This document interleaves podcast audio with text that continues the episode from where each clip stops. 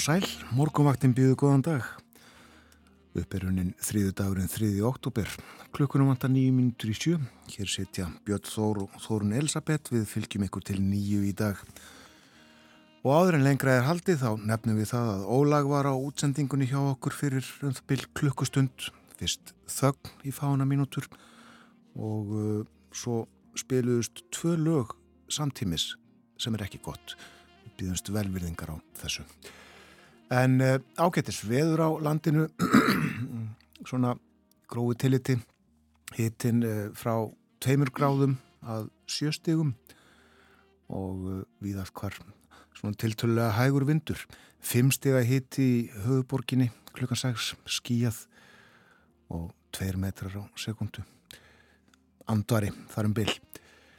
Þrjár gráður á Kvanneri og austan fjórir metrar þar þryggjastega hitti í stikkisólmi, allskíjað, sunnan 1, fjóra gráður á Patræsfyrði og 5 metrar, 2 gráður í Bólungavík og 9 metrar þar, norðaustan 9, fjórastega hitti á Holmavík, 5 metrar, 3 gráður á Blönduósi, 3 gráður líka á Söðunesvita, fjórastega hitti á Akureyri, allskíjað, þryggjastega hitti á Húsavík, fjóra gráður á Rauvarhöfn, Skeltingstöðum og á Eilstöðum. Allskíjað á Eilstöðum. Sekstega hitti á höfn í Hortnafyrði og sjö metrar. Fimmstega hitti á Kvískerjum og logn þar stafalogn á Kvískerjum klukkan 6. Fimm gráður á Kirkjubæðaklaustri, sjösteg á Stórhauða og vestan 1 metri. Fimm gráður í Árnesi, 10 metrar þar, norðustan 10. Það er frost á hálendinu, vægt frost, einstýrsfrost á hverjaföllum og káranhjúkum til að mynda, tekjastega frost á sandbúðum. Og þá að horfunum. Það er gert ráð fyrir norðaustanátt í dag, 5-13 metrum á sekundu, viðadáli til rigningum landið norðanvert og slitta eða snjókoma til fjalla, en austlægari átt og stökuskúrir sunnanlands. Östlæg átt á morgun 8 til 15 metrar á sekundu, kvassast síðst. Lítilsáttar regning söðu vestanlands en annars skíða mestu og dálitlar skúrir eða jél. Og hitin 3 til 11 stygg mildast síðst á landinu. Og það er talsverður lægðagangur söður í hafi, segir í hugleðingum veðurfræðings, en lægðirnar verða nærgöngulli þegar að líður að helginni. Yfirleitt fremur hæg austan og norðaustan átt í dag og viðarregning eða snjókoma til fjalla, skíjað og skúrir siðra. Og uh, það hversir svo enn á fymtudag segir í huglegingu veðurfræðings, hvarsviðri siðst um kvöldið og lítilsáttar regning. En þá smá skúrir eða jél fyrir norðan. Hittin verður svona frá frostmarki að deginum til á fymtudag og förstudag áfram fremur svalt í veðri á lögadag og sunnudag eins og staðan er núna.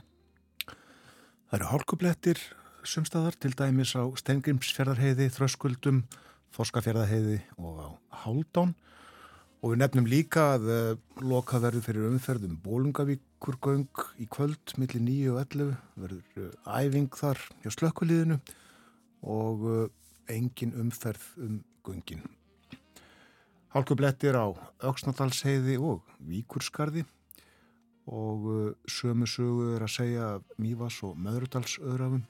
Það er hálka á Biskupshálsi, hálkublettir á Dettifossvegi, Hólsfjallavegi og Vatnafjallarheiði og uh, líka á Fjardarheiði hálkublettir þar. Og það er ímislegt að Dasgrá morgunvaktarinn er þennan morgunin Þorðusnar Júliusson verður með okkur. Við ætlum að tala um efnaðasmál og uh, þennan uh, samdrátt sem að orðið hefur kaupmætti. Förum betur yfir það og eftir. Artur Björgun verður með okkur á þriðu degi Berlinarspjall eftir morgunfréttir. Og uh, svo ætlum við að tala um uh, málefni Vesturlands svona í víðum skilningi. Förum betur yfir þetta á eftir. Alls konar uh, tónlist á dagskrá, já alls konar, það er nokkið maður örfá lögrendar í handreiti hjá okkur en uh, fyrsta lag þáttarins þennan morgunin leikur hljómsveitin The Shadows.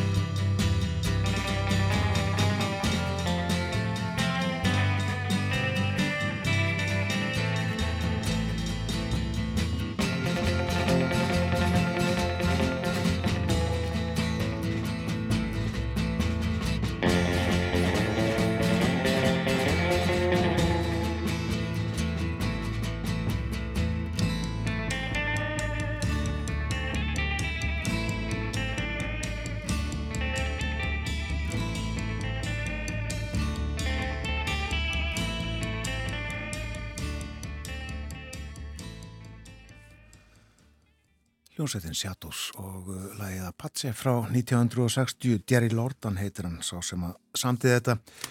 Og uh, hann mun hafa leikið það fyrir Hank Marvin og félaga á uh, gott ef ekki ukulele.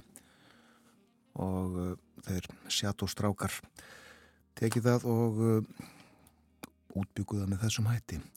Hank Marvin þarna aðal maðurinn auðvitað og Bruce Wells með hannu líka á gítar. Ég held að uh, Brian Bennett sem að lengi var trimbill í Seattle's hafi ekki verið gengið til þessu sveitina þarna 1960. Hún var stofnu 1958 og Seattle's leik fyrstu árin með Cliff Richard var hljómsveitinans Cliffs en svo skildu leiðir og Seattle's öðlaðist eigin feril við heyrum annað Seattle's lag í þættinum og eftir en fréttinnar sjö fréttinnar, fréttatími klukkanstjö kemur eftir uh, fána sekundur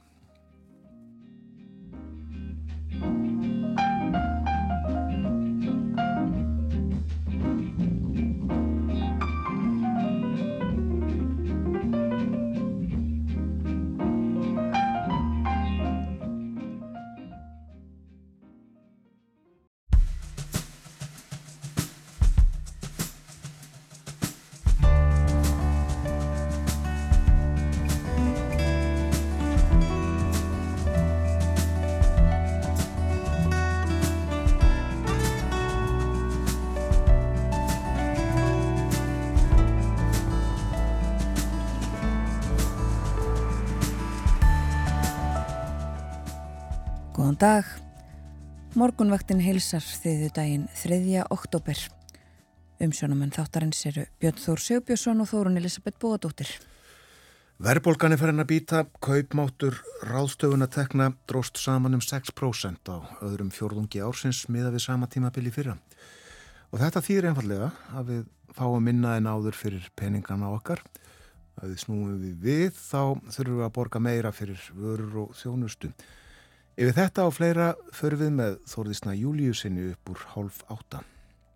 Í Berlinarspjalli rifjar Artur Björgum Botlason upp að í dag eru 33 ár frá saminningu Þískuríkjana, Östur og Vesturs. Dagurinn í dag er kallaður Saminingardagurinn, þjóðháttíðadagur Þískalands. Artur Björgun fjalla líka um blessaða blíðuna sem að ríkt hefur á meginlandinu og svo, svo litið um stjórnmál. Og í síðasta hluta þáttarins verður fjallaði málefni sveitafélagana á Vesturlandi. Þau halda haustþing sitt á morgun í Reykjóldi. Marta á Dasgrá en sérstakt þema þingsins er mentamál. Guðveig Lind Eiglúardóttir, forseti sveitastjórnar borgabíðar og formaður samtaka sveitafélaga á Vesturlandi verður með okkur. Við förum yfir veðurspátagsins. Já, það er uh, talsverður lægðagangur suður í hafi og hefur meiri áhrif þegar líður á vikuna. En það er gert ráð fyrir norðaustanátt í dag 5-13 metrar á sekundu og víða dálítil rigning um landið norðanvert. Slitta eða snjókoma til fjalla. En austlægari átt og stökuskúrir sunnanlands. Á morgun austlæg átt 8-15 metrar á sekundu og kvassast síðist á landinu. Lítilsáttar rigning suðvestanlands en annars skíða mestu og dálitlar skúrir eða jél og hitin 3 til 11 stig mildast síðst. Og uh, á fymtudag verður veðrið svipað og uh, það er að kólna. Við sjáum það á hitatölunum. Hitin verður frá frostmarki á morgunu upp í 8 stig og uh, svo verður hann þarna frá 0 og upp í 5 og 6 stig næstu daga. Og nefnum að uh, það er hálka eða hálkublettir í það á fjallvegum og uh, svo við uh, nefnum einhverja, það eru hálkublettir til dæmis á Strengimsfjörðarheiði, Þröskuldum, Þorskafjörðarheiði og Háldán, Öksnadalsheiði og Víkusgarði og á Fjörðarheiði, svo dæmis séu tekin. Og nefnum líka aftur að tilkynningu frá vegagerðinni segir að að það verður ekki hægt að aka um bólungavíkur göng í kvöldmilli 9 og 11 slökkulegðið verður þar við æfingar. En uh, viðbræðs aðilar verða sikkur megin við göngin og uh, tryggja að uh, að allir neyðarakstur komist í gegn. Já, það var frett í frettatímanum áðan líka um mikla úrkomu, það var frett frá viðstofunni í gær ofanflóðavaktinni um úrkomu á norður Austurlandi gert ráð fyrir uppsapnaðri úrkomu og eh, varað við henni og því að það geti verið eh, skriðu hætta á norður Austurlandi Við lítum í blöðin, byrjum á morgunblæðinu og uh, þar á fórstíðum á sjá mynda af, af kilvingum við æfingar, verða að æfa Pútin. Það er viðrað ágætlega til golfiðkunar að undanförnu og uh, um að gera að nýta alla þá dagar sem gefast.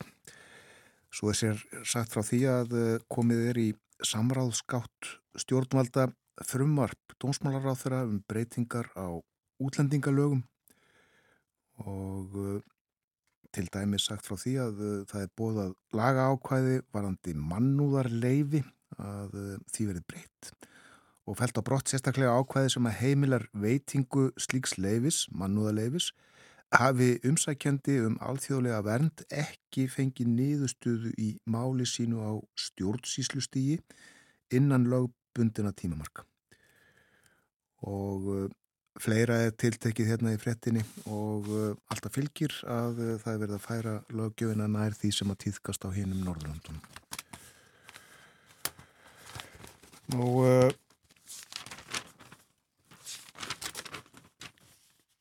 þetta segir við gott um morgunblæðinu þennan morgunin. Og uh, við heyrðum í frettunum áðan af uh, bandarískum stjórnmálum. Það er tilraun gerð til þess að koma fórsetta fulltrúadeildarinnar Kevin McCarthy frá völdum. Hann gerði samkomi lag til þess að forða ríkinu frá greiðslufalli og má nú búa við það að þingmenn lengst til hægri flokki hans ætla að reyna komunum frá völdum og þetta er uh, kallað sögulegt í frett uh, breska ríkisútusins þetta týðkast ekki og uh, hlustendur morguvaktarinnar muna kannski eftir því að það gekk ekki sérstaklega vel að koma karþei í þetta embætti yfir höfuð. Nei, tók marga dag er það ekki atkvæðagreislan? Langan tíma og margar atkvæðagreislur, jú, til þess að um, koma þessu á. Uh, þessir sömu þingmenn lengst til hægri í, í flokki hans uh, vildi ekki sjá að hann fengi þetta ennbætti. Um, notuðu það uh, til þess að koma ímsum málum sínum í gegn og höðurefnum og alls konar samningavirður já, alls konar samningavirður og um, og nú eru þeir ósáttir eins og vænt væntamátti að það yrði. Eh, þetta gæti orðið erfitt. Republikanar hafa eh, lítinn meira hluta í eh, fulltróðdeldinni. Þeir eru með, held ég, já, 221 þingmann á móti 212 þingmönnum demokrata og eh, það þarf einfaldan meira hluta til þess að koma eh, fórsetanum frá. Og eins og við heyrðum í fréttunum á hann sagt að eh, ja, þessi þingmaður sem er í forsvari eh, Matt Getz segir að eh, haldi hann áfram sem fórseti þá verður það í skjóli demokrata og eh, meira af eh, bandarískum stjórnmálum Donald Trump kom fyrir rétt í New York í gær og eh, var stóristur af enju hafði uppi ímis eh, orð eh, um bæði dómara og uh, saksóknara sem að hafa uh, sem að vinna í, í þessu máli hans. Þetta var þar fjársvig og uh, hann hafði sagt að hann myndi mæta fyrir rétt og verja sig, það gerðan þetta er áframhald stærstu nortna veiða sögunar um, allra tíma, sagðan þegar hann var á leiðin í dómsalinn. Og uh, það er mynd af honum á samt uh, sínu fólki á uh, fórsíðunni á Washington Post í dag og umfjöldunum um þessi mál. Mynd þarna. Og fjallaðum fleiri stjórnmál. Auðvitað, það er nógum að vera í eh, bandarískum stjórnmálum. En við fylgjum stöðu þetta áfram með þessu en færum okkur annað.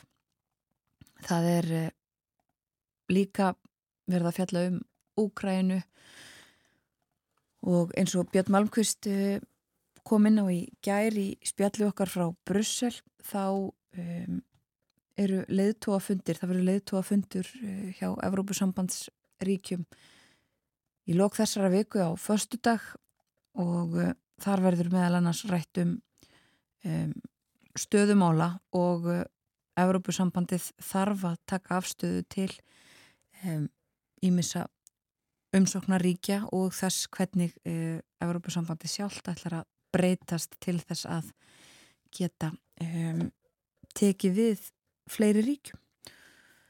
Björn Málkvist rætti þetta við okkur hérna gær og uh, Volodymyr Selenski Úkrænifósiti hefur uh, sagt, uh, sagði núna að það væri bara tímaspursmál hvenar Úkrænumenn gengju inn í Evrópussambandið og að stjórnvöldum í Kíf hafi verið sagt að það sé algjörlega mögulegt að slíkar viðræður gætu hafist á þessu ári. Þetta sagðan eftir óvænta eða svo sagt ó eru þetta ekki óvænt fyrir þeim en, en áður ótilkynnt að heimsókn auðarkisra á þeirra Európa-sáfatstíkjana til Úkrænu og eh, myndir af, af þeim saman í erlendum fjölmjölum og uh, við förum svo auðvitað út í heim og eftir, förum til Þýskalands með uh, Artúri Björgunum Bóllasinni sem að þar er. En uh, áður en að við látum þessu lokið nefnum við það að það er fjöld, umfjöldun um Grænland í dönskum fjölmjölum, grænlensku konurnar sem að um, hafa höfmál og vilja fá um, mál sín tekinn fyrir og uh, að hlustað verði á þær. Þetta tengist þessum um, málum sem upphafa komið um meðferð uh, dana á grænlendingum á uh, síðustu öld. Og auðvitað áfram uh, fjallað um uh, stöðumála í Svíþjóð í sænskum fjölmjölum nýjar sprengingar mynd úr tveimur raðhúsum í Stokkólmi Segjum þetta gott í byli að vera lindum frétt Lítum aðeins í sögubækur. Við sjáum það að á uh, sunnudaginn 1. oktober þá voru liðið ní, uh, 90 ár frá því að Ásta Magnúsdóttir var skipuð í ennbætti Ríkis Fíhirðis hún var fyrsta konan til að gegna ofinböru ennbætti á Íslandi. Hún var Ríkis Fíhirðir í aldar fjörðung og uh, í uh, vísi í júli 1933 byrtist uh, grein, aðsend grein, mert kjósanda. Svo hljóðandi heist hefur að ríkisfíhyrði starfið sem ungfrú Ásta Magnúsdóttir gegni nú. Hún var sett í embættið eftir að uh, skipaður ríkisfíhyrðir Jón Haldursson leta af embættið þarna um áramótin 1933. Heist hefur að embættið muni vera ætlað einhverjum úr framsóknar liðinu en ekki eigi að reyfa neitt við stöðunni fyrir en kostningar eru afstæðanar af skiljanlegum ástæðum.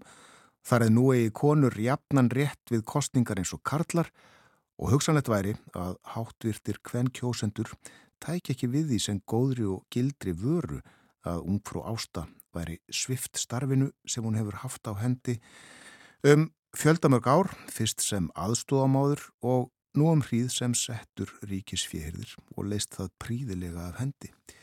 Meðmæli fyrirverandi ríkisfjörðis Jóns Haldurssonar er hann gaf ungfrú ástu eftir 16 ára samstarf sína best hvaða álit hann hefur á starfsþekkingu og starfshæfileikum hennar og er því aldrei hægt að nota þá viðbáru að hún gæti ekki hloti stöðuna vegna þess að hún væri ekki færum að leysa starfið af hendi. Að tilhlutun kvenna víðsvegar um land hafa fósættisráþur að borist áskoranir um að veita engum öðrum stöðuna en ungfrú Ástu Magnúsdóttur. Það er nú líðan góðu tími síðan þau plögg voru lögð í lófan á áskeri ráþura en ekkert bólar á svari hans, korki í orði eða á borði. En hins vegar orðið vart að menn flega því á milli sín að ungfrú Ástu muni vera ætlað að rýma sessin fyrir einhverjum framsóknar herranum sem aldrei hefur komið nálagt starfinu og er því allsendis ókunnur. Það kemur nú ljós fyrir það síðar hvað hæft er í þessum orðrómi en reynist hans annur hljóta konurlandsins að telja sér auðsínda megna forsmán af hendi ríkistjórnaninnar sem þannig gengi á snið við yfirlistan viljaðira og að virt sé að vettu í vel unnið starf ungfrú Ástu Magnúsdóttur. Hvenn kjósendur ættu að veita því núna aðtikli, hvernig framsóknar maðurinn og ráþæran Ásker Áskersson snýst við þessu sameilega máli. Þetta var sem sagt í júli, en uh, snemma í óttabér byrtist svo, hljóðandi frétt, ég les frétt úr alþýðublaðinu, Ásta Magnúsdóttir sem hefur gengt ríkisfíhyrði starfinu síðan Jón Haldásson hætti því, hefur nú verið uh, fengið veitingu fyrir því. Var það réttlátt og sjálfsagt að hún fengi starfan þar sem hún hefur unnið á skrifstofu ríkisfjöherðis í fjöldamörg ár og verið príðilega þokkuð af öllum sem hafa haft viðskipti við skrifstofuna. Og uh, um þetta var svo í november skrifað í Lögberg, blað Íslandinga í Winnipeg og uh, þar sagði þó að konur hafi að lögum haft jafnbretti við karlmenn hér á landi Síðastliðin 22 ár hefur förðulítið verið um hvern fólk í ennbættum fram að þessu. Þær hafa haft ímsa starfa fyrir það ofinbera, svo sem símagæslu og þess áttar, en að svo stötu mun ekki nema ein kona hafa verið skipuð í ennbætti, var það læknir sem gengdi héraðslæknis ennbætti um tíma. En hinn 3. oktober varð stúlka skipuð ríkisfíhyrðir landsins. Er það veglegt ennbætti kvarvetna um lönd en svo illa launað hér að síðastir ríkisfíhyrðir hvar frá því eftir 13 ára starf um síðustu áramót því honum buðust miklu betri kjör sem starfsmanni við banka. Gegni það förðu að þeim ennbættismanni sem annast fjárreiðu ríkisins skuli vera bóðin slík launakjör. Hinn nýji ríkisfíhyrðir er ungfrú Ásta Magnúsdóttir, Ólafssonar, hins þjóðkunna ljósmyndara Hefur hún verið starfandi hjá ríkisfjehirði síðan árið 1910 að hún réðist aðstúðastúlka hjá þáerandi ríkisfjehirði Valgar Klassen sem var henn fyrsti ríkisfjehirðir. Og uh, svo vann hún hjá honum í 7 ár en síðan 16 ár með Jóni Haldósinni sem var skipaður fjehirðir eftir að Klassen gengdi því starfi til síðustu áramóta. Það er mála sannast og viðurkent af þeim sem best þekkja til að ungfrú ásta hafi sínt staka reglusemi og dugnaði starfi sínu og mun því engin vera kunnugri öllu á skrifstofu ríkisfjehirðis en hún. Enda fekk hún hinn eindregnustu meðmæli fráfarandi ríkisfjehirðis er hún sóttu um embættið. Ungfrú ásta mun vera eina konan sem skipuð þau verið ríkisfjehirðir í Evrópu og má því skipun þessi heita nýmæli. Um uh, Ástu Magnúsdóttur segir á Wikipedia Fóreldrar hennar voru hjónin Magnús Ólafsson ljósmyndari á Akranesi og síður í Reykjavík og Guðrún Jónsdóttir Ásta ólst upp á Akranesi til 13. aldus þá fluttist fjölskyldan til Reykjavíkur Ásta gekkum leið í Landakótsskóla og stundaði einni píjónuleik og var svo færi þeirri grein að hún gætt leikið undir á opimberun tónleikum. Ásta var ógift og barnlus. Og uh, svo er sagt frá viðtali, stuttlega við, frá viðtali sem byrtist við hana í tímarittinu 19. júni árið 1952 en uh, þar nefndi hún að afskipti hvenna samtaka hefur ráðið miklu um að hún var skipuð í ennbætti, ennbætti ríkisfihyrðis en uh, nokkur kvennfjölög sendur ríkistjórninni skriflega áskorunum að veita bæri henni starfið lásum um þetta áðan úr bladagrenni og uh, tventi viðbót, Ástamun hafi verið fyrsta íslenska konan sem stegum borði flugvill það var árið 1919 og uh, 1946 var hún sæmdi rittarakrossi hinnar íslensku fálkaorðu. Og 12 órum síðar var hún sæmt stórritarakrossi sömu, sömu orðu. Fá en ár þér á morgunvættinu um Ástu Magnúsdóttur 90 ár á sunnudaginn frá því að hún var skipuð í ennbætti, ennbætti ríkisfjehirðis.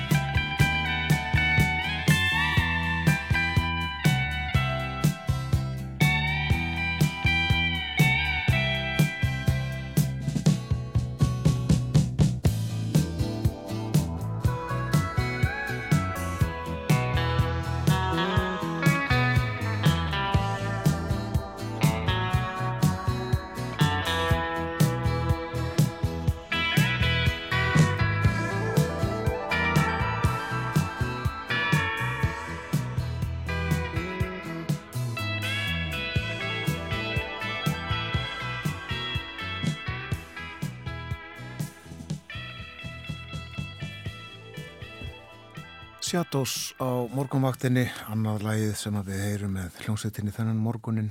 Þetta var uh, Song for Duke, lag sem að koma út á blötu árið 1979. Uh, á henni voru aðalega tökulug eins og kallaðir, þarna var til dæmis Riders in the Sky, þarna var uh, líka Bridge over Troubled Water og Don't Cry for Me Argentina lög eftir aðra sumsi en uh, Song for Duke sömdu Hank Marvin, Bruce Wells og Brian Bennett.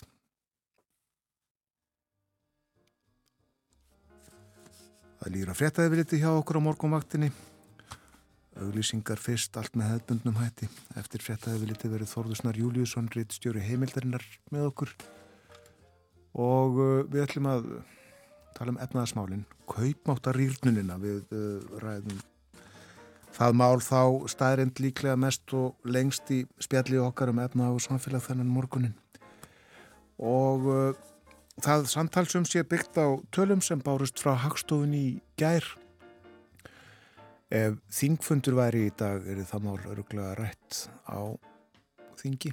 En uh, það er ekki þingfundir þessa dagana, það eru, það eru kjördama, það er kjördama vika þá fara þingmennir um kjördaminn sín og uh, hitta kjósendur eins og því líst. En uh, umræða um uh, málið á morgumvaktinni í dag. Fleira á dagskrá förum yfir það á eftir en uh, dokum eftir fréttaeflitinu Sæl og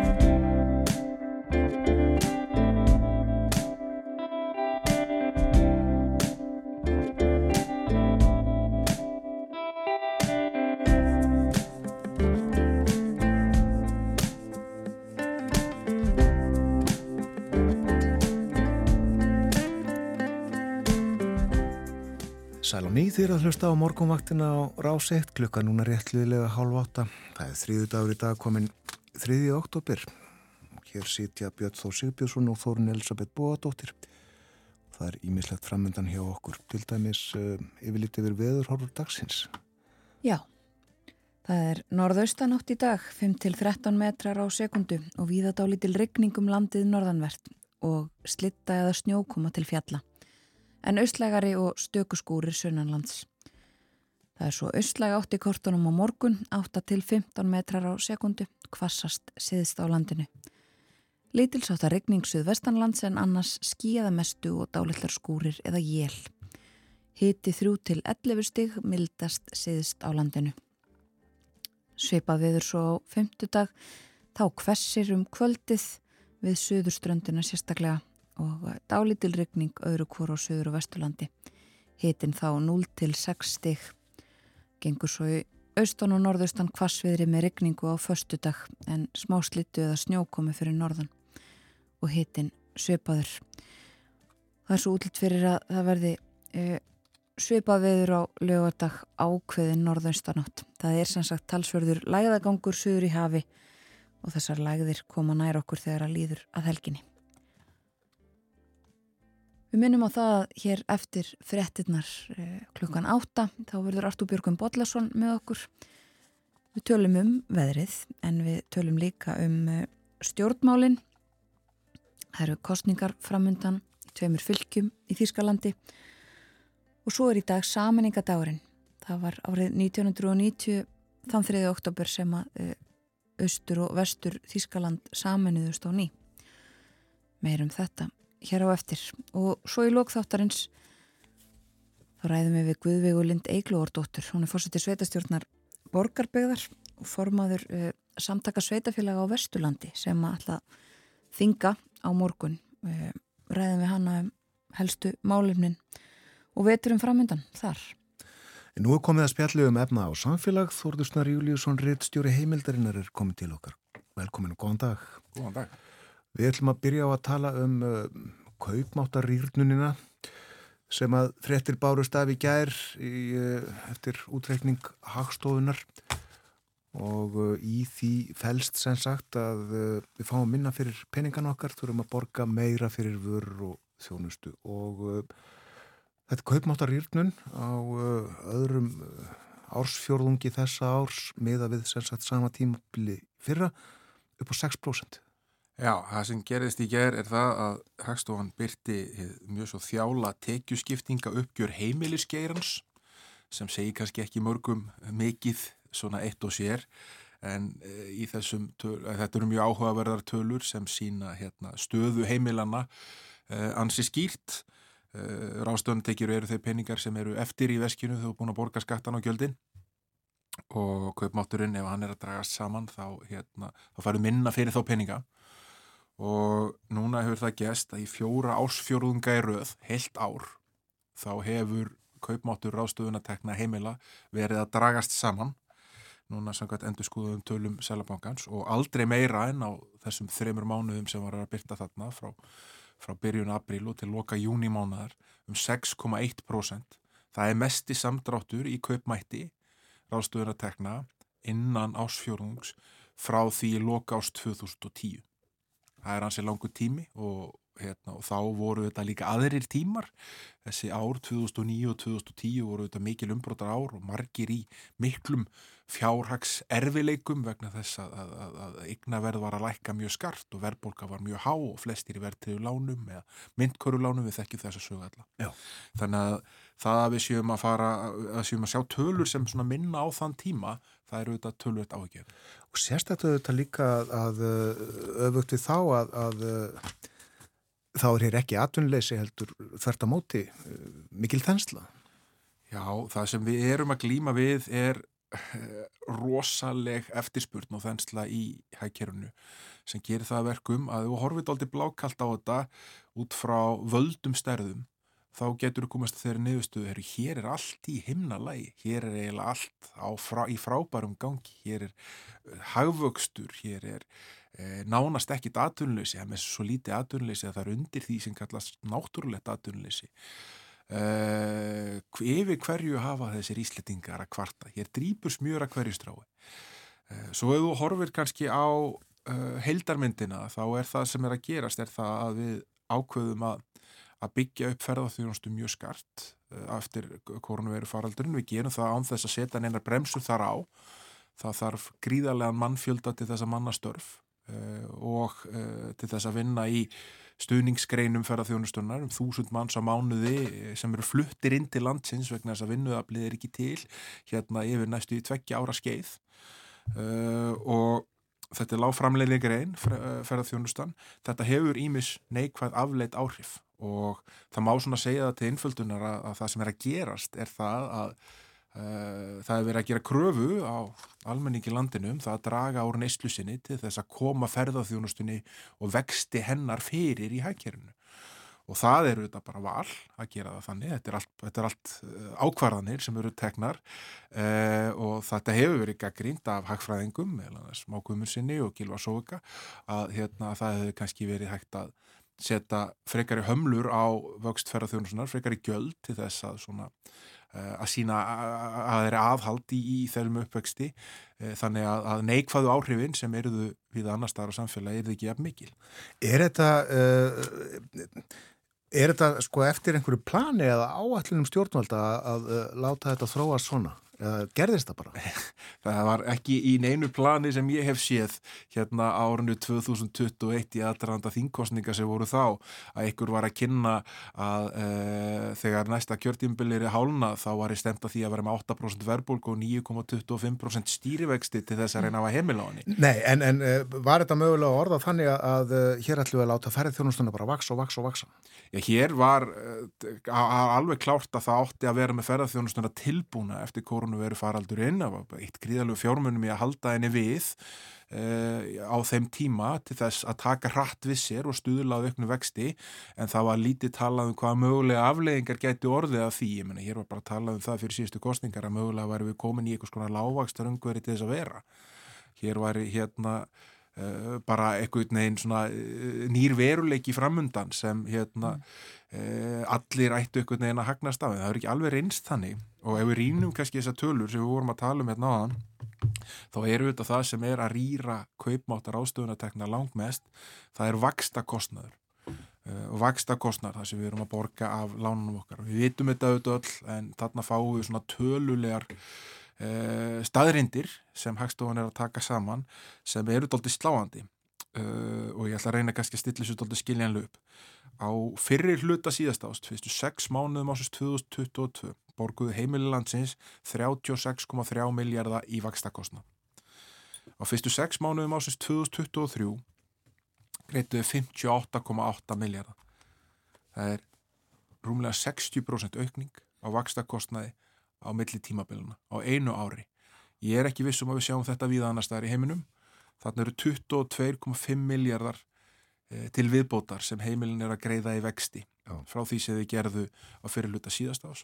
Og við skulum munna að þetta eru tölur sem taka til loka júni, síðan hafa vextir auðvitað hækkað og vaksta kostnaðurinn þingst enn. E, þegar við setjum þetta í samhengi með það að hér voru gerði skamtíma kjara samlingar í lok síðasta ás til þess að gefa öllum aðilum uh, samfélagsins tækifæri til þess að takast á við verðbólkuna og við erum hérna á þessum staðu núna þegar samningarnir fara að losna aftur með 9,25% vexti sem eru sennilega að fara að uppleið stýrivextina. Uh, verðbólkuna sem er að hækka aftur á milli mánaðu komin í 8% aftur. Uh, þá er flókin staða framöndan. Já, þú nefnir uh, vextir sjú líklega að fara að hækka. Það við að flestir eða allir greiningar að vera samála um það að Sælabankin komi til með að hækka vextina enn meira á morgun. Það er bara ekki alveg kannski samljómur um hversu mikið.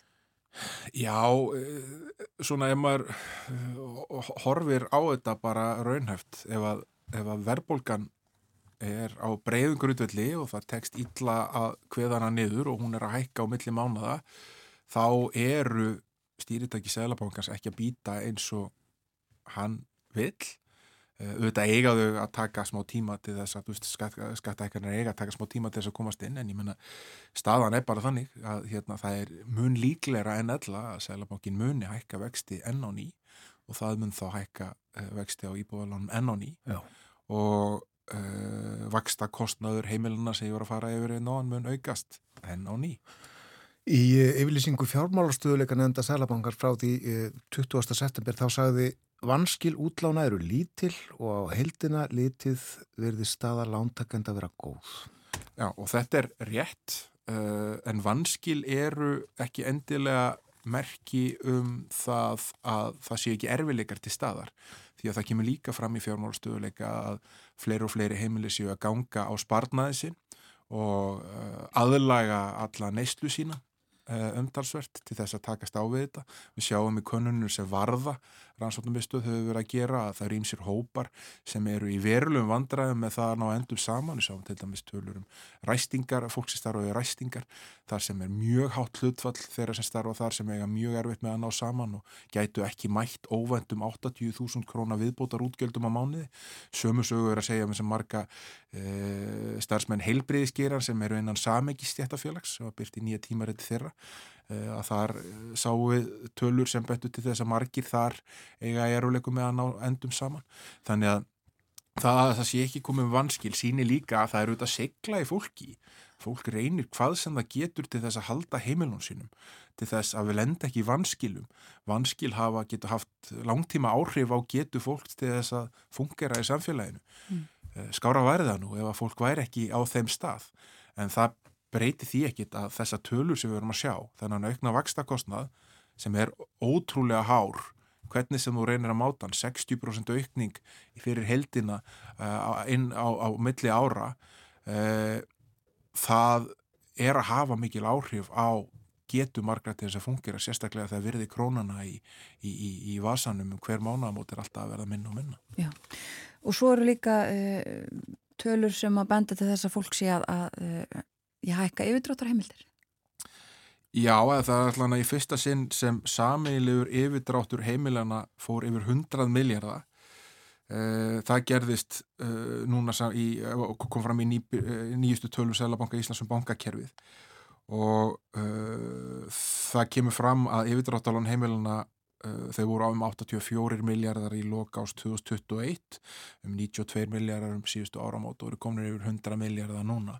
Þannig að það er taktur þarna. Þetta eru dýrustu lán sem völu er á? Það er 17% vextir á yfirdráttarlánum. Það eru nákvæmlega sömu vextir á þeim hjá öllum þreymur stóru böngunum Uh, og það þetta eru sennilega svona fyrir utan smálán eða ef það eru enþá til gamleir svona okurlánarar eins og maður sér í, í gömlu hérna, mafjósa bíómyndunum þá eru þetta sennilega dýrustur lán sem við tekja á. Við tala svolítið um uh, fólkið en uh, hvernig kemur þetta umhverfið fyrirtækinu í landinu? Mjög mismunandi, þetta kemur mjög ítla við mörg fyrirtæki í landinu það eru, við séum það til dæmis að fjármaskosnar byggingageran sem eru aukist alveg gífurlega það er vegna þess að, að svona, þessir, þessi kælingatól Sælabankans þeim er ætlað að hæja á vexti í, í, á íbúðamarkaða sem var bóla og þeir hafa sprengt þá bólu, það var markmiði núna er raunverð farið að lækka en eftir stendur að, að byggingagerinn setur uppi með mikið magna af nýjum íbúðum sem hann getur ítla selt og með fjármarskostnaðin þangar til hann getur selta og fjármarskostnaðin er á mikill upplið. Eh, þetta er saga margara fyrirtækja sem eru skuldsett í íslenskum krónum hvort sem það er verðtritt eða óverðtritt ef þetta er óverðtriðu þá borgar hann mjög háa vexti. Ef þetta er verðtriðu þá er þetta að fá verðbætina rón á lánið eitt og, og rýra fyrir eh, og þannig að þetta býtur auðvitað mjög hart á þeim fyrirtækjum og þetta sérstaklega við auðvitað um lítil og meðarstór fyrirtæki sem eru kannski ekki með mikla borð fyrir báru.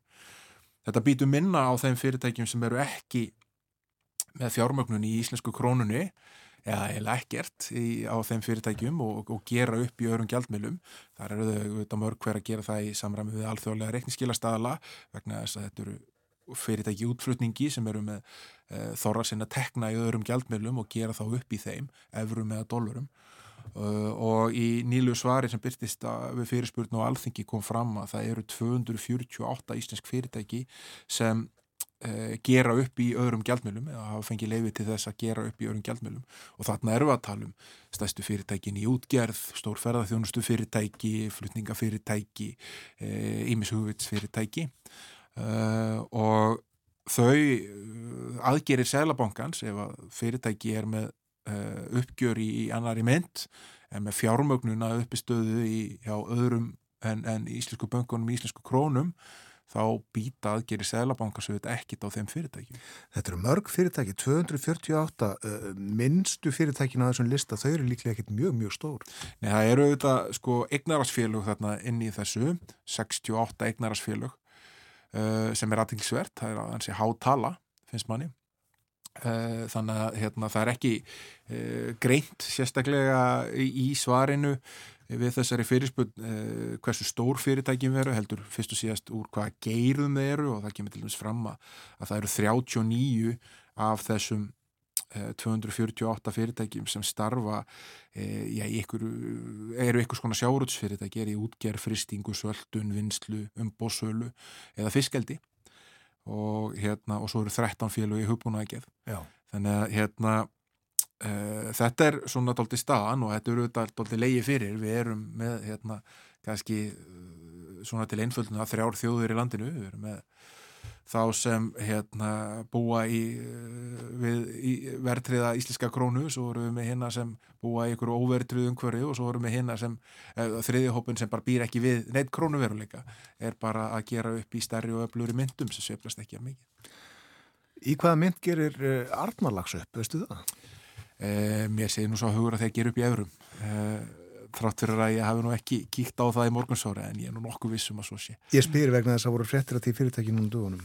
Já, það var skráð á markað uh, var skráð á markað á First North vakstamarkaðin og var raunverulega skráð á markað áður en ekki á Íslandi, var skráð í Nóri og er núna skráð þar sem stærsti eigandi arnalags uh, er norskur, Salmar uh, reysa fyrirtæki í Nóri og ég meirulegt eigu ríkasta normannsins hérna, sem er líka uh, svona feta fyrir sig sem uh, módel samhliða. Uh, og núna varð, gerist það á förstæðin að hérna að Arnalags var skráð á First North markaðin og þetta er auðvitað aðeinsvert er fyrst og síðan sem lagseldis fyrirtæki eitt og sér er skráð á markað á Íslandi og, og gengið á og brefum þess er ekki í neinu samrami við gengi annara sem eru á þessum First North markaði sem er svona vaksta markaður svona daldi uh, krónumarkaður hérna svona gengi á hverju brefi það er tæmlega 2300 krónur hver hlutur í, í Arnalags Eh, eða rétt tæplega það. Og var þetta vel tekið meðal fólks að geta átt viðskipti með hlutabriði í þessu félagi? Ég, ég hóruði nú bara á viðskiptin eins og þau voru í gæru og þau voru sálar lítil. Það voru 450.000 krónur rúmlega viðskipti með brefi í Arnalags í gær. Og, og það ású sem kannski geta koma óvart. Tilgangur var ekki að, að fyrirtæki sé að sækja sér einhvern veginn hérna, það var ekki hlutafjóraukning tengd þessu eða neitt slíkt, Nei. það er ekkert verið að horfa á það hérna, að sækja sér eitthvað nýtt fyrir þannig eru þetta ísliskir aðlar sem eiga mikla hagsmunni, með gildi lífyrirsjóður og með stærstu eigenda til að mynda. En hver er það tilgangurinn einmitt? Og af hverju eins og þú segir maður sér hérna listan, þetta er bara þetta er alveg út úr kú með að við hinn fyrirtækina á þessum uh, lista Ég veit það ekki, ég, ég getur ekki fullift um hver tilgangurinn er. En, en við getum alveg uh, held í sliðið því förstu að svo starfsemi sem Arnalags uh, stundar er afar umdilt svo vægt sé til orða tekið og uh, það sem hefur gerst núna eftir Arnalags tilkynnti um það að þeir alltaf skrá sig á markað er að það átt sér stað eitt stærsta slið sem hefur átt sér stað í sjókvegareldi hjá þeim þegar hérna 3500 eldislagsar uh, sluppu hjá Arctic Fix á, á Patricksfjörði sem er eigu Arnalags. Já, eru þeir á, á eftir lögsum frá Arnalagsi hérna, snorklararnir í ánum já, fyrir vestan? Já, með, með, með, með viðspjóti. Þannig að hérna, þú veist, kannski er þetta til þess einhvern veginn að festa uh, þetta allt saman í sessi, það er þetta, hérna, uh, tekist hart á um það hver, hver, hver hérna Eh, hvort að þetta sé starfsemi sem sé eftirsóknarverð á annan bóin býr hún til störf á, á, á svæðum þar sem uh, já, var lítið um þau að nýldi um, um nýsköpun og, og ný störf og, og, og þetta er uh, hægkvæmt fyrir uh, þjóðabúðið í held þetta er, þetta er ars þetta er arðbær starfsemi og heimbóin er þetta valda allskins óaftur kræfum áhrifum á nótturu já. Og e, um þetta hefur verið tekist hart þannig að kannski hefur verið að festa fyrir þetta ekki betur í sessi hér á Íslandi með því að skráða ámarka Nefnum það að þið tölum um það um daginn að eig og reytir voru í samruna viðraðum en uh, síðan uh, hefur slitnað upp úr þeim Það er slitnu upp á þeim og eftirstendur þá uh, það, það er hægt að fara aftur í, í, í, vangadansin sem þeir voru að reyna að slíta sér úr áður við, e, við reygin, hitt stóra fastnafélagi eða að eik haldi bara áfram að starfa eitt og sér líkt og verið hefur hingað til þannig að það er ennþá ekki lóku fyrir það skotið að stóru fastnafélagin verði áfram þrjú í staðin fyrir að vera tvö. Við fylgjum með þessu, höfum svona, mm, já segjum annað auðvað á þessu en uh, ljúkum þessu á uh, vaksta ákvörðun sem verður á morgun tilkynntum hann að hálf nýju og almennt búist við hækkun, segir þau? Ég greiningaræðilar eru allir á þeirri skoðunum ef við vorum á eh, greiningaræðila bankana þá eru allir á þeirri skoðun að, að, að Sælabanki vilji auka taumhald sitt uh, og uh, muni hækka vexti. Það sé spurningum það hvort að það veri um 0,25% stig eða 0,5% stig svo hefur Sælabankinu auðvitað komið á óvart uh, með ákvörunum og jafnvel farið gengið enn lengra en en, en hérna, greiningaræðilar sem hafa reyndar mjög ríka tilneingu til þess að hafa rámt fyrir sér, skulum hafa þá hreinu, mm. hérna, hafa verið að spá eða jafnvel gengið skemur uh, en það er alveg ljóst að svona ljósið þessi ég var að tala um hérna áðan og því sem er framöndan varandi kjaraverðaður og við heyrum þann þunga hljóm sem er í báðum aðilum þar, bæði samtökum aðtölusins og verkeflisinningunni að hér er mjög flóki úrlösnærefni framöndan að ef að vexti fara að hækka meira og vakstakostnaður neikst ennfrekar þá uh, það flækir það verkefni til muna. Já. Nefnum að uh, í Kastljósi í gær uh, þá voru formaður eblingar og, og frangatastjóri samtaka aðtunlífsins í samtali. Já, um, í Silvrunu. Í Silvrunu, ég sagði Kastljósi. Kastljósi í Silvrunu, já. já á þessum nýja tíma á mándaskvöldum eftir 13. klukkan 10 og uh, fyrir fólk sem misti af uh, má finna bæði útsendingu á uh, vegokarú.is og eins frétt sem að skrifu var í nótt upp úr samtali þeirra solvegar önnu og Sigriðar Margreðar en segjum þetta gott af efnaðasmálum í dag. Þóruðsnar Júliusson þakkaði fyrir að vera með okkur þannan morgunin Takk. Frettir koma eftir fimm minútur og uh, eftir þær þá verður Artur Björgum Bóllason með okkur Berlina spjall á sínum stað og uh, klukkan hálf nýju þá ætlum við að fjalla um álefni Vestulands nokkuð vítt og breytt Guðveig Lind Eiglóðadóttir er fósetti sveitastjórnar borgarbygðar og formaður samtaka sveitafélaga á Vesturlandi. En uh, haustþing samtakana fer fram á morgun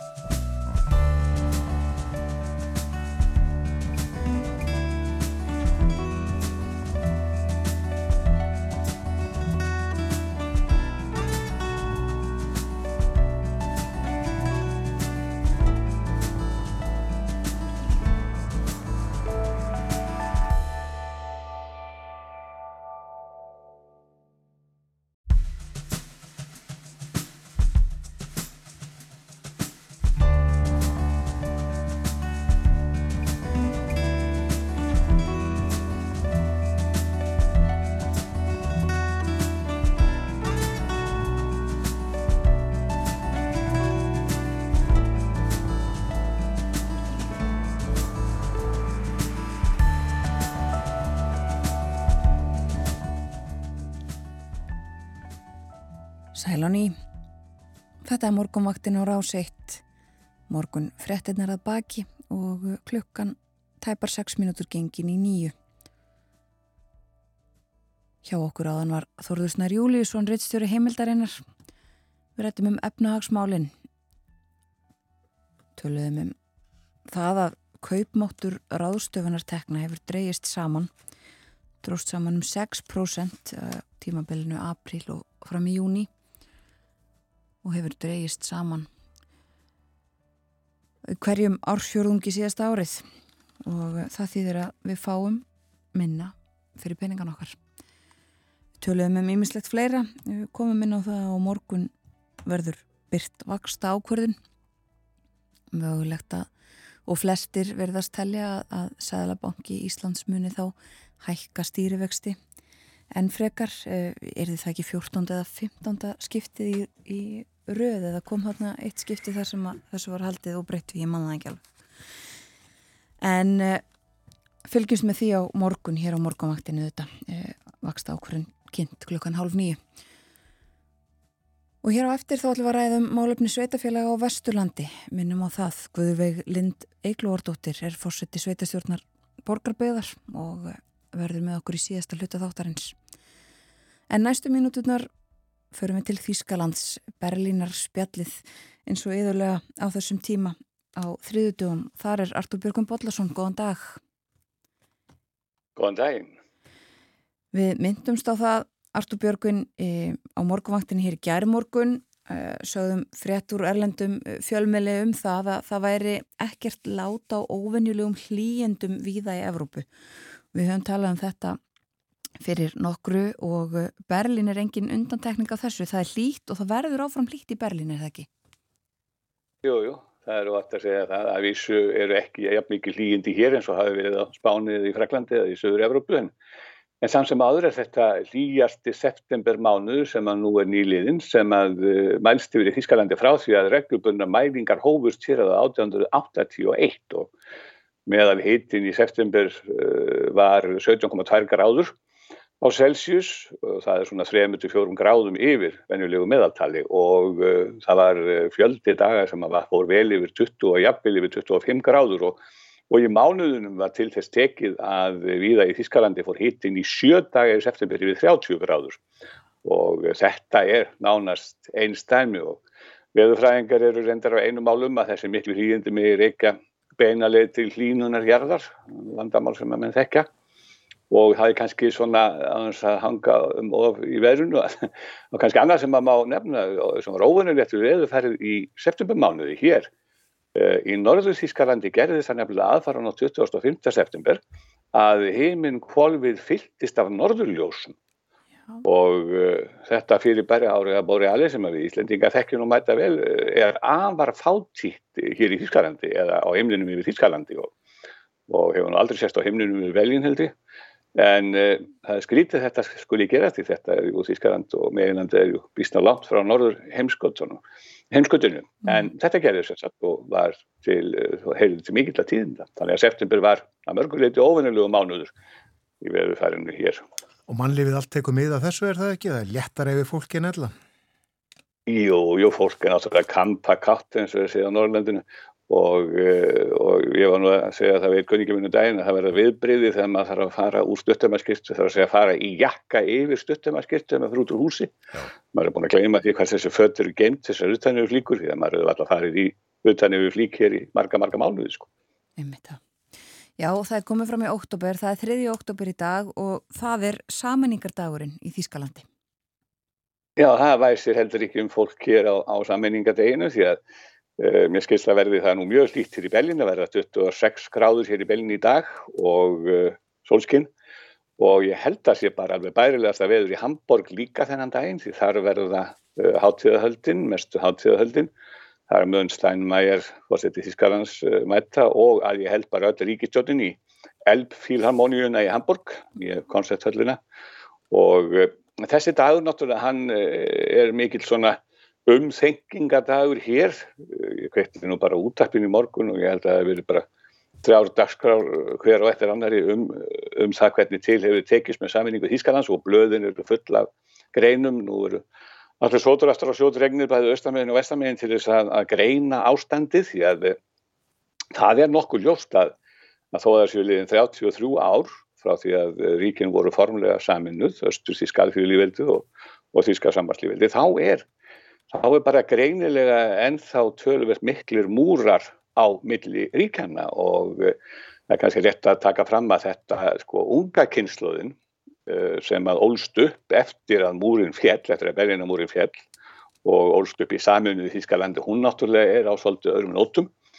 Það er mitt fullt af ungu fólki sem hefur komið fram í fjölmjöru hér upp á síkastið og síðustu dagana af þessu tilefnu og hefur líst í yfir að fyrir þeim sé Þískaland bara Þískaland og uh, þó að það fæst í Dresden eða, eða Weimar, þá skiptir það ekki einu einnastu máli því að það hafa þeirri keinstöru landi heldur bara Þískaland en auðvitað tóku allir fram að eh, þeir hafi heyrta hjá papp og mömmu og af og ömmu að eh, það sé nú ekki jafn mikil kæti yfir því hvernig þessi sammenning hafi tekist til. Og það má kannski nefna til dæmis að, eh, að kannanir, nýlega kannanir það sína að 60 af 100 þjóðverja eru þeirra skoðunar að það sé ennþá miklu fleira sem skilur östur og vestur þjóðverja aðheldur en hitt sem að þeir eiga saminilegt.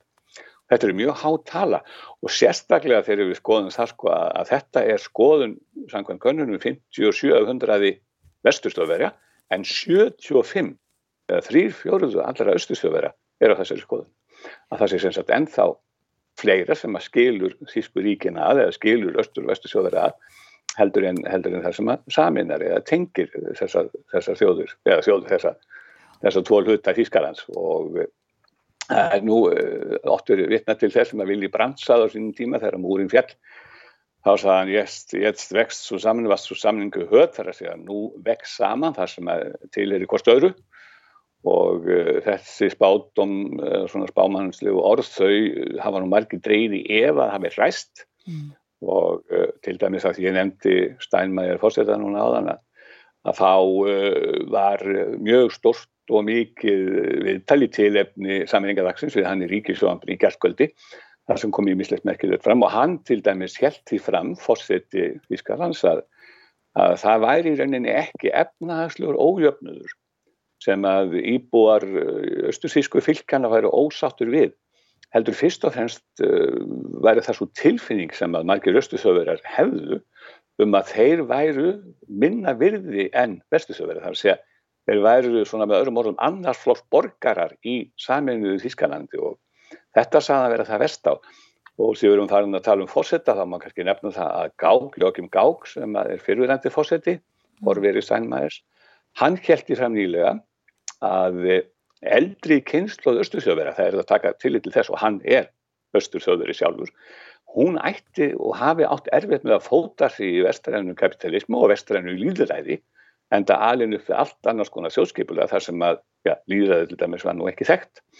Og eh, þess vegna sko eh, Gák segir að hérna, og hann var andorsmaður í Östurískanandi á sínum tíma og uh, hann uh, segir bara þeir hafi vegna þeirra aðstæðna sem að þessi eldri kynslu ólst uppi þá, þá einu erfist með að fóta sig í, í vestirinu og, og það er líka annað sem að er, daldið hefur verið svolítið ábyrjandi på síkast eða mjög antiklisvert að uh, útlendinga andúðin sem er jú ein af, ein af hérna, undirstöðum fylgis AFD aukaflokksins, Alternatífi fyrir Deutschland, þessi útlendinga andúð sem að þeir hafa lifað á næsta á, þessi flokkur hefur lifað á næsta á, hún er miklu, miklu sterkar í östufísku fylgjum og ákverju uh, sennilega og, og það er skýring sem ég hef heilt sem að er ekki ólíkleg að uh, málið er sko að í östufíska landi þá þekktum en ekkert útlendinga.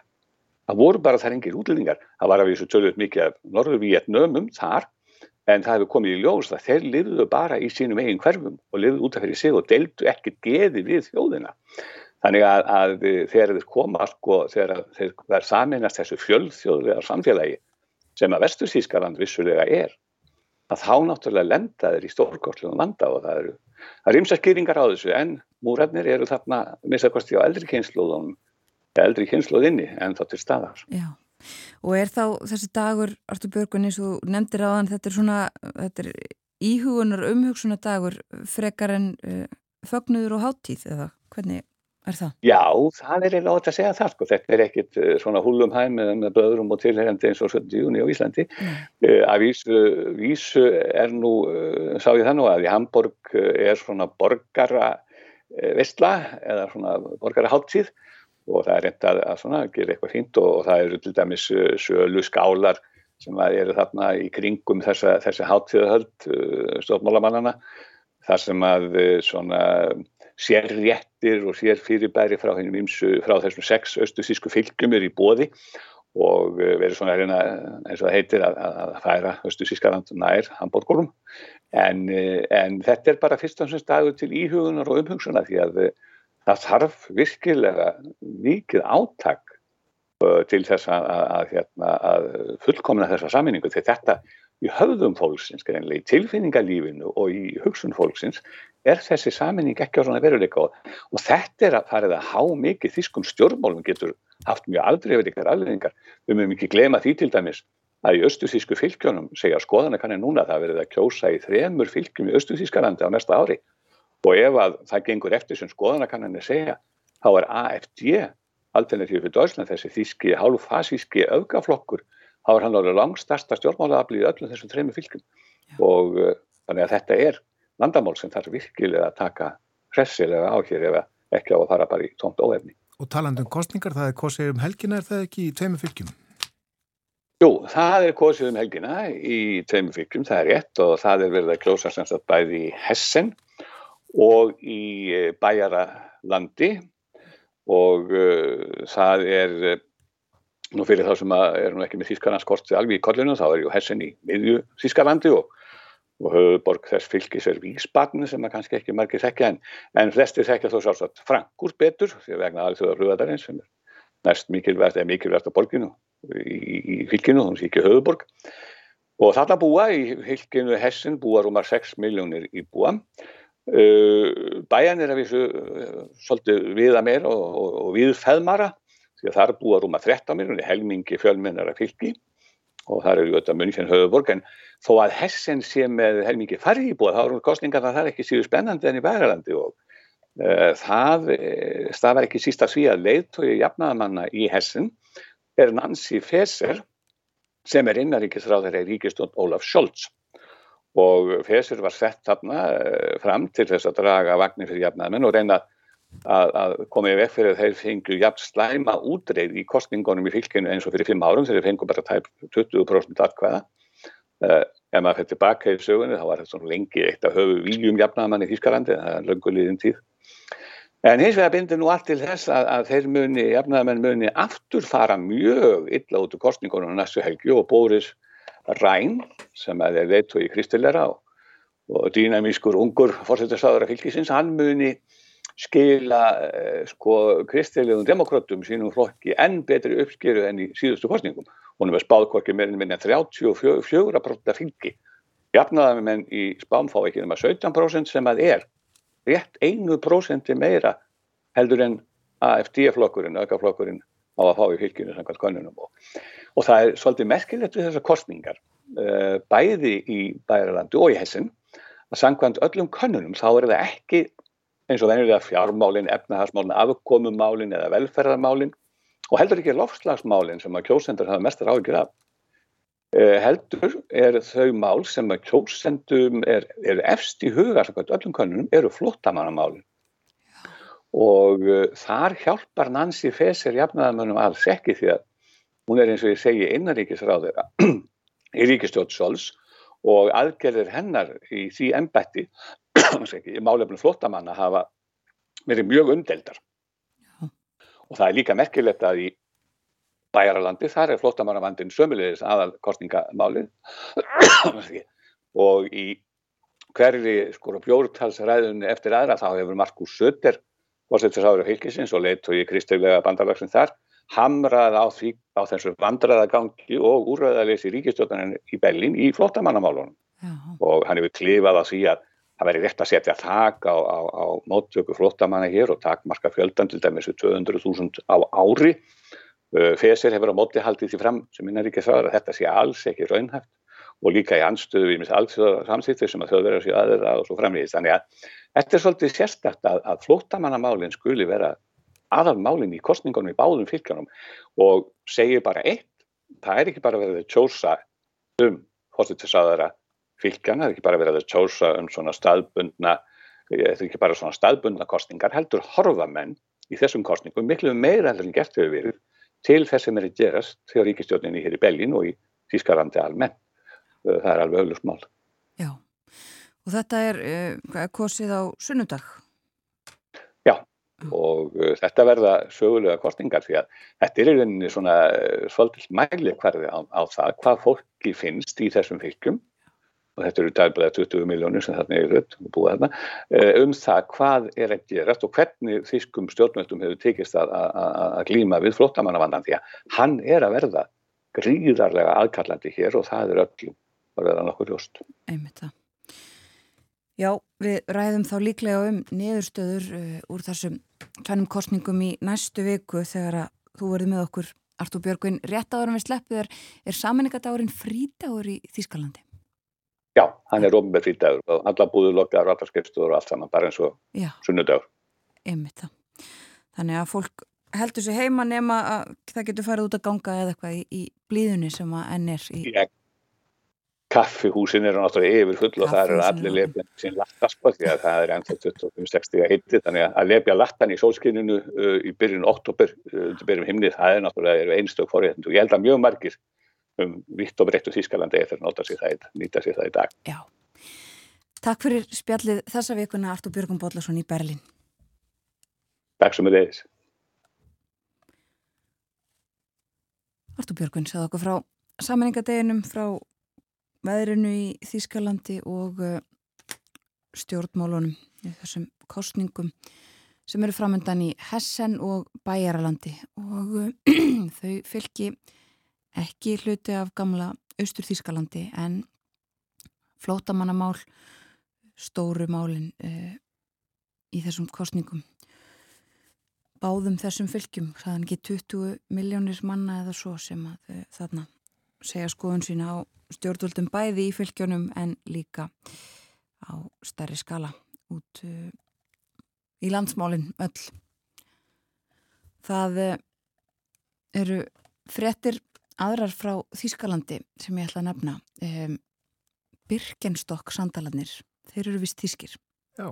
fyrirtækið og þóttu hallarslegir um tíma en þetta er svona eins og með margt annað í tískunni. Fer svona fram og tilbaka, upp og niður. Þá að setja fyrirtækið á uh, hlutabriðamarka því við vorum nú að tala um líka hlutabriðamarkaði hér í Íslandi á hann og uh, það er búistu því að uh, virði fyrirtækisins sé kringum 10 miljardar bandaríkjadala þegar að það fer á markað í bandaríkanum það verður sagt að uh, skoða og uh, kaupa bref í, í þessum inniskó framleiðanda frá og með ja, síðar í þessum mánuði. Séum þetta gott að spjalli í byli, uh, hlustum á þriðja lagi með Shadows í þættinum þannig morgunin.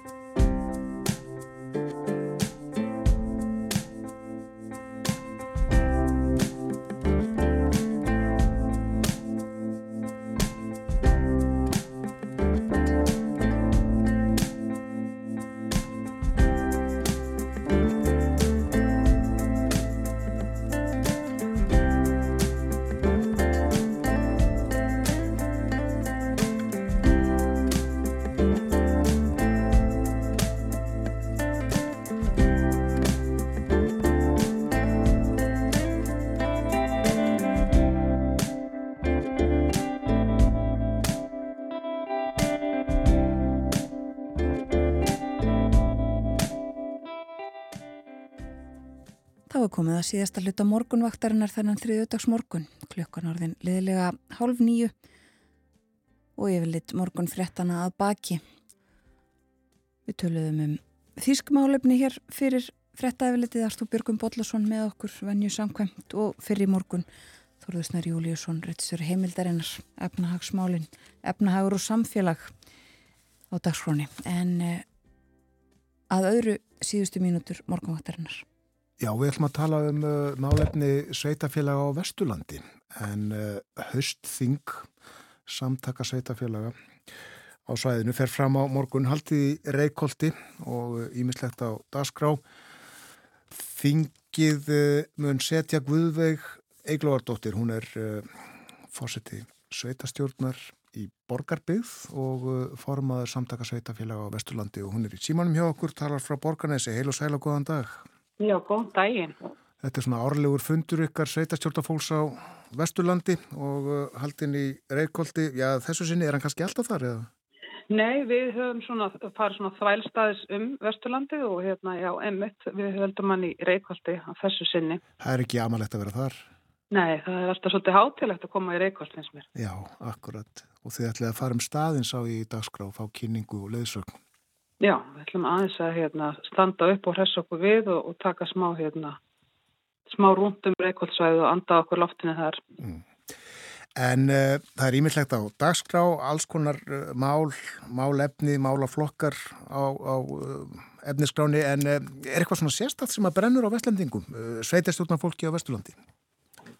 Sko í rauninni þá ákveðu við á hverju hausti svona einhvers þema fyrir þingið og að þessu sinni ákveðu við að, að taka mentamálinn fyrir og það verður svona kannski svona þema á þessu þingi og pattbós umræður um það og við fáum gesti í það og það er kannski snýr bara í rauninni að mentamálinn máli frá leikskóla og upp í, í háskólasamfélagi sem skiptur okkur náttúrulega gríðilegum máli hér á Vesturlandi. Við erum, við erum með tvo háskóla hérna, uh, í Borgabygg og, og hérna og það eru náttúrulega bara öll skólasteg hér eins og, eins og í öðrum landslutum þannig að þetta, þetta er málefni sem við ætlum að taka fyrir núna en að sjálfsögðu þá er það þannig að við erum á þessum haustingum að taka fyrir þessi sameilegu hagsmannamál uh, sveitafélagana hér og, og það eru þessi samgöngumálin, uh, atvinnumálin og bara svona ímislegt sem snýra að byggða þróun heilbreyðismálinn, það er kannski að þú spyrir svona það sem að brennur helst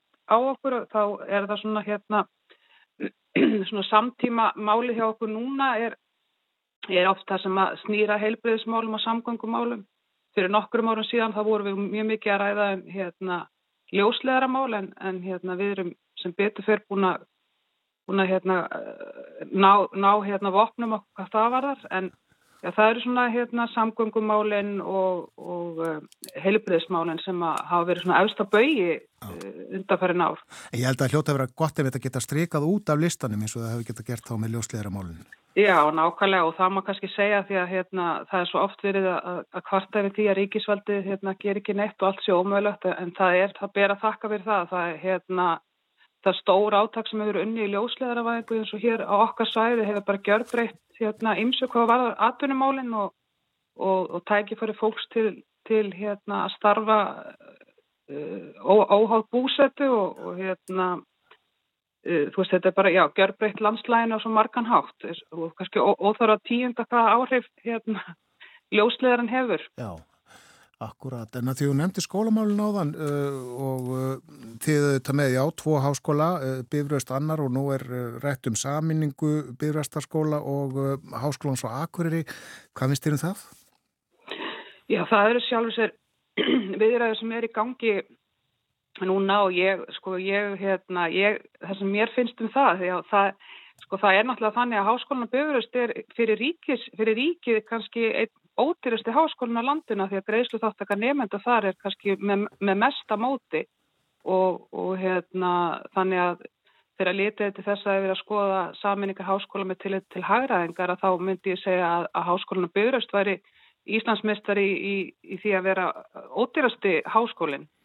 Og ég held í sjálf að sér þegar, að, þegar háskólinu byrjast uh, fór að afli í til dæmis fjarnámið að það hefði skapa tækifæri fyrir fólk á landsbyðinni til þess að menta sig uh, tækifæri sem að fólk hefur kannski ekki hérna an, annars. Ég, ég ætla nú ekki að hérna fara að tala niður Háskóla Íslands en það er bara þannig að það er ekkit það get ekki hverju sem er farið og fluttir Reykjavíkur og, og sestað þar og, og, og hérna hætti í vinnu og svo framvegis Þannig að ég held að mentunastig bæði hér á Vesturlandi og annars þar hafi hækkað með tilkomu skóla eins og háskónans og, og bygurust og ég sé bara í kringum mig og í atvinnulífunni hér að það er gríðarlegu fjöldi fólk sem hefur sótt sér mentun þar og, og hérna uh, það hefur bara haft mjög jákvæð áhrif á, uh, á mentunastigið hér. En óttastu einhverja breytingar með saminningu?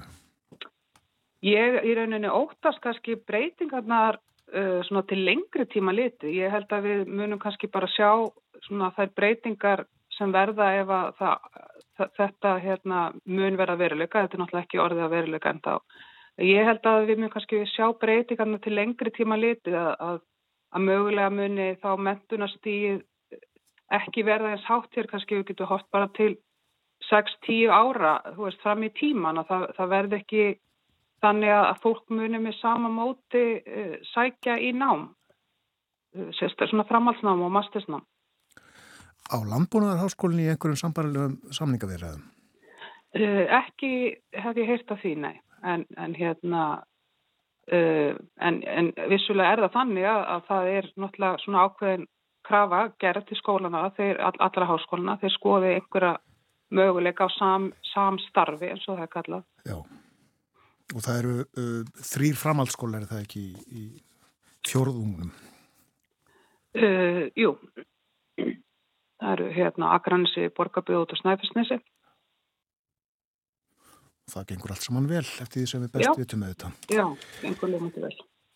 Það búa, eh, er það ekki, ég eh, reyndi að slá á þetta svona um það byrj 17.000 manns á Vesturlandi eins og það er skilgreint í mm Mhm. hvað nýju sveitafélögum og, og þau eru nú aldeilis misstór og missfjölmenn, ég held að það séu 60 þar um byrj í því fámennesta Skoradalsreppi en, en tæplega 8.000 á Akranesi Já, og uh, svo er uh, borgabið býstna stort sveitafélag uh, þegar litið er til eða hort er til til uh, landrýmis en uh, Akranes svona lítill punktur á kortinu reynlega. Er, er einhverjar uh, saminningaviðraður í gangi hjá okkur?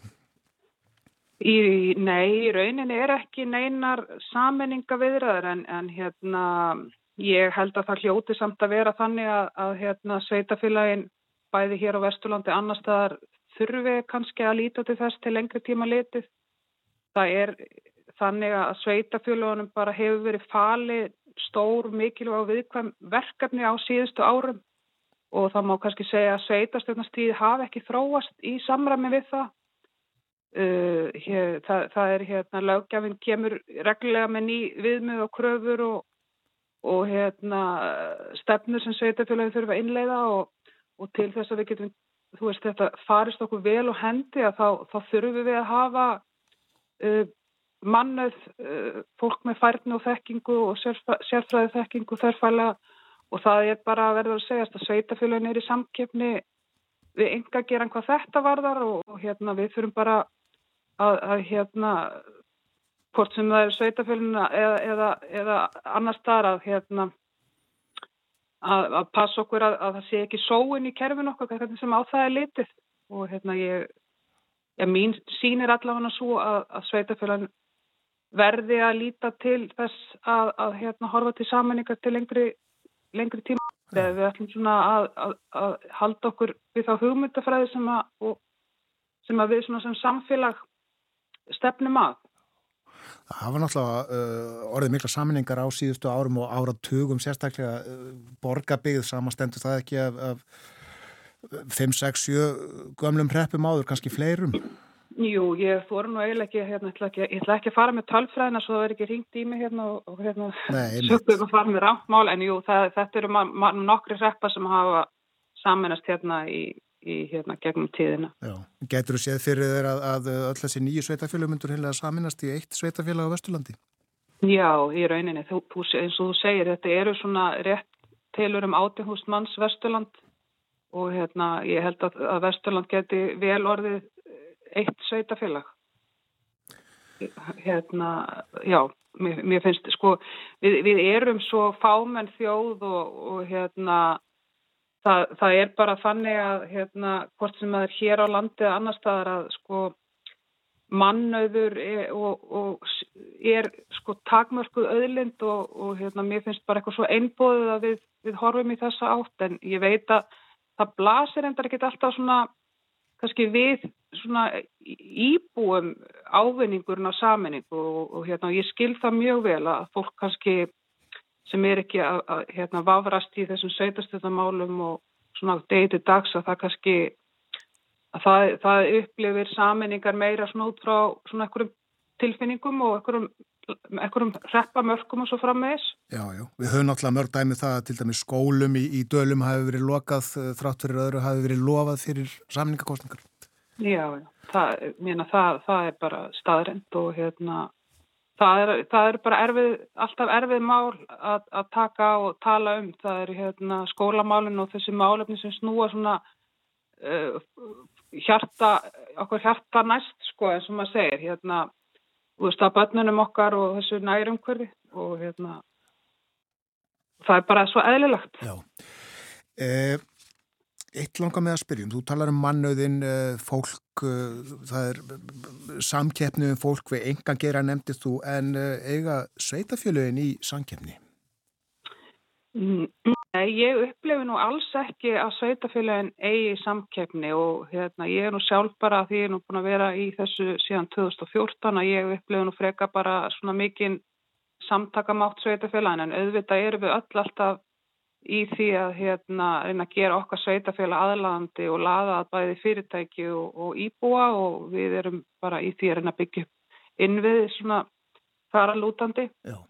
En, en ég, já, ég held eins og segja, sko, ef að, ef að þetta tala um einhverja samkeppni á milli sveitafælega, þá held ég að hún muni bara svona til lengri tíma og hún snýst um það að, hérna, um samkeppni um mannið og við veitum að krafan um uppbyggingu, skipulasmál og allt það, að, að það gerist fljótt og vel og, og það gerist ekki nema við séum við vel skipaðar skipulas og byggingadeildir og, og sérfræðinga þar innan og það getur orðið sveitafélagann fyrir þrifum og og eins bara hvað var þar ég minna ég tala til dæmis um farsaldalögin og innleðningu á öllu því að við, við þurfum bara að hafa uh, þetta gerist það gerist ekkit nefn að sé fólk hafna á bakveði sko Tölum að þessum farsaldalögin já, er uh, mikið mála innlega þau? Uh, það er í rauninni ég myndi kannski ekki nota orðið mikið mál en það er bara til margs að líta því að þarna eru við kannski farin að tala um sko sko, það verið að vinna svona þvert á, á málaflokka, uh, það er verið að, að mæta fjölskyldum bara með öðrum, annari nálgun og öðrum hætti og ég segir endar að farsaldalögin sé bara eitt af svona, svona stórkostlegasta sem að hérna, okkur hefur verið fært núna og þegar við erum búin að klára og eru komin í innleðingu á því að þá, þá bara vonast ég til þess að, að það muni hafa jákvæð áhrif á bara á samfélag okkar til, til lengri tíma litið en, en það tekur tíma fyrir skóla samfélagið og, og velferðarþjónustun og allt það að, að, hérna, að koma þessu áfram og í gagn. Og það kannski snýst ekki sísta því að það situr enginn segja veist það situr enginn embatismöður að starfsmöður sveitafélag við, við aukt borð og býður eftir að, að fá nýja stefnu til þess að innlega því að hérna, það sé enginn verkefni. Þannig að veist, þetta tekur allt tíma á. Þú gerir það ekki eitthvað annað á meðan? Nei, nei, það nei. er bara þannig og hérna, þetta er svona kannski já, sem ég, ég svona svolítið verið að benda á líka varðandi þessi mála. Það, það seti ekki, það setur ekki mannskapur við borði sveitafölum og býður eftir svona nýri löggeð eða reglugerðu eða stefnu til þess að móta og, mm. og hérna já, þetta eru svona áskorunni sem að, að sveitafölum hafa þurft að takast á við svona síðust árin. Akkurat. En við erum að tala hérna um uh, Vesturlandið sem held, uh, þetta er um 17. manna samfélagi á eitthvað svoleiðis og uh, mjög fjölbreytt þetta, mikill landbúnaður, mikill útgerð á, á Snæðfellsnesinu og svo ferðað þjónusta og ímyndslegt annað. Já, einmitt, þetta er svona Vesturlandið hérna hefur í rauninni bara upp á svo margt að bjóða og hér er einmitt eins og segir sko Snæfellsnesið er náttúrulega sjáarúturinn er þar og náttúrulega Akransi líka og svo erum við með ferðarþjónustu og landbúnaðin hérna og, og, og ég held að það eru mikil tækifæri sem að, sem að hérna, við höfum hér á Vesturlandi og þá, þá bara ef ég nefni það varandi eins og með, með hérna, samgöngumálin að ég held til dæmis að, að ef það verður að tengja Suðurland og Vesturland betur saman eins og við uksarhyggi að það er því svona ég má sletta svona low hanging fruit til þess að, hérna að, að dreifa ferðamennum frekar. Já, býtu talandi um það uh, því var eitthvað, eitthvað ítt áfram er það ekki á samgöngu áallun uh, við að frangandum uksarhyggi? Jú, þeim hefur verið ítt hérna þau, þau hafa verið svona... Langt inn í framtíðina ég vil. Já, já, en hérna, en þetta er náttúrulega eitt af þeim málum sem við hérna ávarpum við okkar þingmennur á þeirra og, og vonast til þess að, að hérna, það sjá allir sjá allir tækifærni því við hljóttum að vilja dreifa ferðamennum og, og við hefum svo sannlega hér á Vesturlandi segla á perdur til þess að taka móti stærri hóp. Já. Þú varst í ferðarþjónusinu þegar ekki? Varst hótelstjóriðið með rétt? Jú, ég, hérna, ég er búin að vera svona í ferðarþjónustinu meira og minna, hvað ég segja, já, 20 árun eitthvað svo leiðis. Það er dágóðu tími. Já, já, já, og bara kunna vel við það. Já, en uh, nú eiga sveitastjórnamáliðin uh, hugþinn allan. Já. Góða skemmtun á þinginu á morgun. Já, takk fyrir það og hérna bara, það er, það er alltaf gaman þegar að sveitastjórna fólk hittist á, og það er bara þvert á flokka, það er hérna, það er einhvern veginn metnaður allra að gera sem best fyrir sitt samfélag og það er gaman að hitta slíkan hópa fólki. Já, og verður sæmilega kátt á hjalla þó að rætt verðum alveg mál fram á degi. Já, já, já, ég veist ekki það. Ljómandi. Guðvög Lind Eiglóðardóttir er uh, fórseti sveitastjórnar borgarbygðar og formaður samtaka sveitafélaga á Vesturlandi. Höstingi fyrir fram á morgun haldið í Reykjóldi og þangað er alltaf gott að koma, saði Guðveg. Við höldum okkur uh, á Vesturlandi, ætlum að leika eitt lag og uh, tökum hér fram plötu sem að koma út fyrir 30 árum. Hanna sendi þá frá sér ungum aður frá Akranesi Orri Harðarsson, hlýðum á titilæð, það heiti Drög að hengkomu.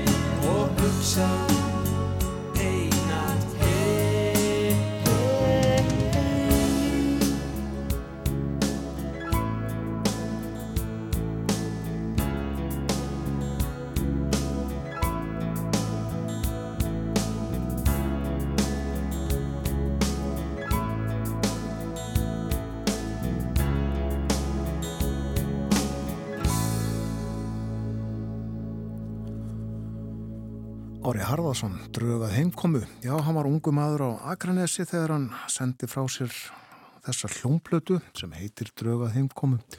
Kom út fyrir 30 árum, bara núna dögunum voru liðin 30 ár frá því að hann kom út. Svo flutti Ári norður í land en uh, er komin aftur á skagan.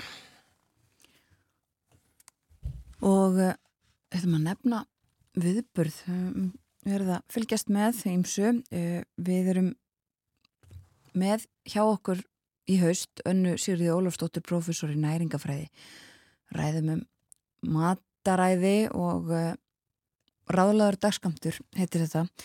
Okkur verði tíðrætt um reynan mat og uh, það að, að borða það sem er sem minnst unnið. Og uh, það vakti því aðtikla okkar að þá að vera með matjúrta spjall á Lindasafni, bókasafni Kópavóks í dag klukkan 5 uh, fyrir fólk sem að langar að rækta eigi græmiti um, reyndi kannski að rækta en gekk ekki alveg nógu vel. Og uh, það er Guðrýður Helgadóttir Gurri, garðarskifræðingur sem ætlar að hjálpa fólki til uh, að komast af stað í þessu. Og það geta allir mætt á Lindasafn setnipartin í dag Bókasafn Kópavóks gerði þetta, segir hér líka uh, fór í matjúrta maníu Það er ekki bara bækur á bókusafninu. Nei, það er sannlega ekki. Það er mjög uh, blómlegt menningastarf á mörgum bókusafn. minnum að rifjum upp að, að á dögunum var á, á einu útibúa borgarbókasaps Reykjavíkur talaðum um veðrið Byrtali Kristinsdóttir viðfræðingur var gestur á einu safnana og uh, veðrið, já uh, það verður norðaustanátt á landinu í dag uh, mís kvast 5 metrar á sekundu eitthvað svoleiði sumstaðar en 13 metrar það sem kvasast verður við þetta alveg til rigningum landi norð, norðanvert og slitta eða snjó koma til fjalla. Hitti í dag þrjú til 11 stig, það verður mildast síðist. Það er komið að loka morgumvaktarinnar uh, klukkan alveg að verða nýju. Björn og Þórun þakka samfélgina frá því morgun snemma í morgun. Við verðum hér aftur í fyrramálið vonum að njóti dagsins. Verði sæl.